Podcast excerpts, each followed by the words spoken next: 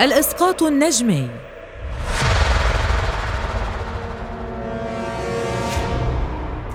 روحك تخرج من جسدك لكن بشكل إرادي تستطيع السفر والترحال إلى أي مكان حرفيا حتى لو كان خارج الكوكب الأزرق. ممارسة تعد الأكثر غموضا على مر الأزمان لتبقى روحك معلقة بالهواء. ومرتبطة بجسدك بواسطة خيط دقيق. ظاهرة الإسقاط النجمي أو التحكم بالروح. الذين خاضوا التجربة قالوا إنها أشبه بخروج الروح من الجسد لتطير بحرية أينما شاءت. هذا بافتراض وجود هيئة نجمية للروح قادرة على الخروج من الجسد والسباحة في الكون. فهل بالإمكان التدرب عليها الإسقاط النجمي أو الإسقاط الاثيري هذه الظاهرة قديمة قدم التاريخ فظهرت هذه الممارسة أول مرة في نقوش الحضارة المصرية القديمة. ففي المقابر هناك الكثير من النصوص التي ترشد الروح لمكانها الصحيح. كما يعتقد المصريون القدماء أن للروح هيئة اثيريه وهي نسخة عن الجسد الفيزيائي الملموس. ليعتبر المصريون أن الموت هو الطريق لتحرير هذا الكيان للأبد.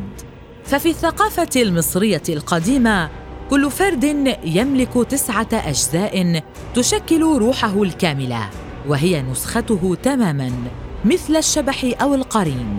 فلدى الفرد روح مادية وأخرى نورانية فبموت الشخص تتحد هاتان الروحان ليكونا معا الهيئة النورانية الكاملة ليعرف المصريون الإسقاط النجمي بساحو ومن خلالها يدرك الإنسان حقيقة الموت. كما عرفت البوذية هذه الظاهرة لكن بمفهوم آخر.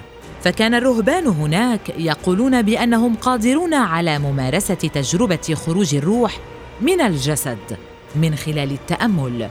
وكان ما يقصدونه هو إيقاظ الوعي في حالة الحلم إذ تمكنهم هذه الممارسة من مواجهة التحديات التي ستواجهها الروح عند الموت.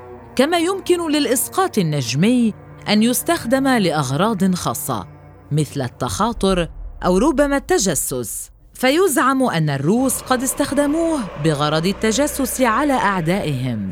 كما أن الوكالة المركزية للمخابرات الأمريكية قاموا ببعض التجارب لكن دون أي نتيجة تذكر. بالعودة إلى يومنا هذا فيحكي العديد من الأشخاص عن تجربتهم في الإسقاط النجمي. فتقول جان جيتمز البالغة من العمر السابع والخمسين عاما أنها مرت بتجربة خروج الروح من الجسد أثناء خضوعها للمخاض المرهق في ولادة ابنها. لتقول أنه اختفى ألمها فجأة كما أنها انفصلت بشكل كامل عن الواقع وكان هناك نفق دخلته لتعود للغرفة مرة ثانية. وأضافت أنها كانت تراقب نفسها وهي تلد ابنها من سقف الغرفة. وترى الطبيب والممرضات حتى أنها تمكنت من ملاحظة شعر قليل في رأس الطبيب الشائب. كما لاحظت الشعر الأسود للممرضة الشقراء مما جعلها تدرك أن شعر الممرضة مصبوغ وليس أشقر. هذه التفاصيل يصعب ملاحظتها خاصة في فترة ألم المخاض. ورغم الغرابة فتجربة الإسقاط النجمي أثناء المخاض تعتبر امرا ممكنا. هذا الأمر الذي مرت به جان لم يكن اراديا. فماذا عن الذين يقومون بالتجربة عمدا؟ إيميلي بلير تقول أنها قد قامت بهذه التجربة عمدا.